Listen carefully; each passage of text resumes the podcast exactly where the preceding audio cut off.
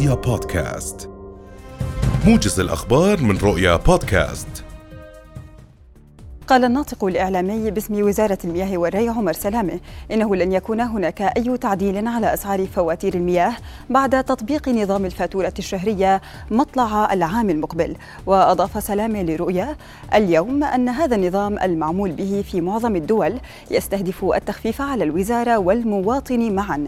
فالنظام الجديد يستوفي التعرفة شهريا لكي لا تتراكم ويضمن صيانة المرافق المائية دوريا بحسب سلامة الذي يؤكد أن الفوترة الشهرية تحمل الوزارة أعباء إضافية لكنها ستسهم في الحد بشكل أفضل من الفاقد المائي.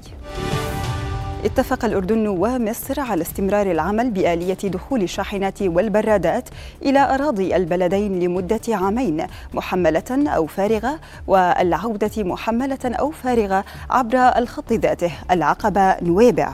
كما بحث الجانبان في اجتماعات عقدت في القاهرة أمس آلية دخول الحافلات الأردنية والمصرية إلى أراضي البلدين. واتفقا على استمرار العمل بآلية الدخول الحالية الحاصلة على تصريح تشغيل خط نقل نقل الركاب من وزارتي النقل في كلا البلدين.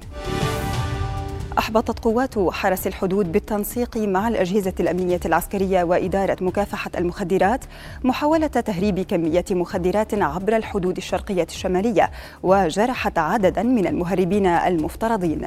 ولم يذكر مصدر مصدر عفوا عسكري مسؤول في القيادة العامة للقوات المسلحة الأردنية الجيش العربي عدد الجرحى لكنه أوضح أن عددا آخر من المهربين فروا إلى داخل العمق السوري.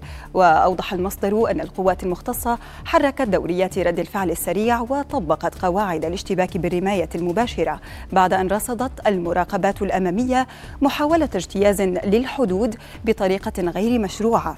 وبعد تكثيف عمليات البحث والتفتيش لمنطقة الاشتباك عثرت الوحدات العسكرية على 1300 عفوا و92 كف حشيش وأحالت المضبوطات إلى الجهات المختصة. قال مدير مديرية الزيتون في وزارة الزراعة المهندس أسامة قطان إن التغير المناخي أثر بشكل مباشر على إنتاج ثمار الزيتون ومخرجات معاصر الزيت إلى جانب ما يسمى بتبادل الحمل السنوي وهو تفاوت إنتاج الأشجار بين موسمين. وأضاف قطان لرؤيا اليوم أنه من المفترض أن يكون إنتاج زيت الزيتون غزيرا هذا العام إلا أن ارتفاع درجات الحرارة التي شهدها الأردن في شهر أيلول الماضي تسببت بتراجع إنتاجه عكس كل التوقعات. تؤدي حكومة الاحتلال الجديدة اليمين اليوم في استكمال لعودة رئيس الوزراء المكلف بنيامين نتنياهو إلى الساحة السياسية. واضطر نتنياهو الذي يحاكم بتهم فساد إلى تهدئة المخاوف بشأن مصير الحرية المدنية والدبلوماسية منذ أن حصل تكتله المكون من أحزاب دينية وقومية يهودية على أغلبية برلمانية في الانتخابات الأخيرة. وأثار تحالفه مع حزبي الصهيونية الدينية والقوى اليهودية قلقا نظرا لمعارضتهما لإقامة دولة فلسطينية وما سبق من تحريض أعضاء بهما ضد نظام العدالة الإسرائيلي والأقلية العربية.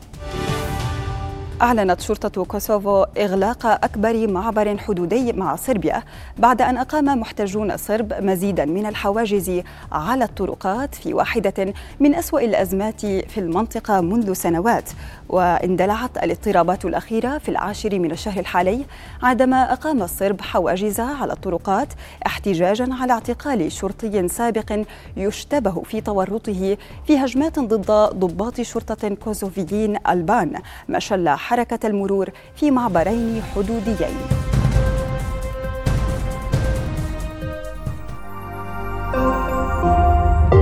رؤيا بودكاست.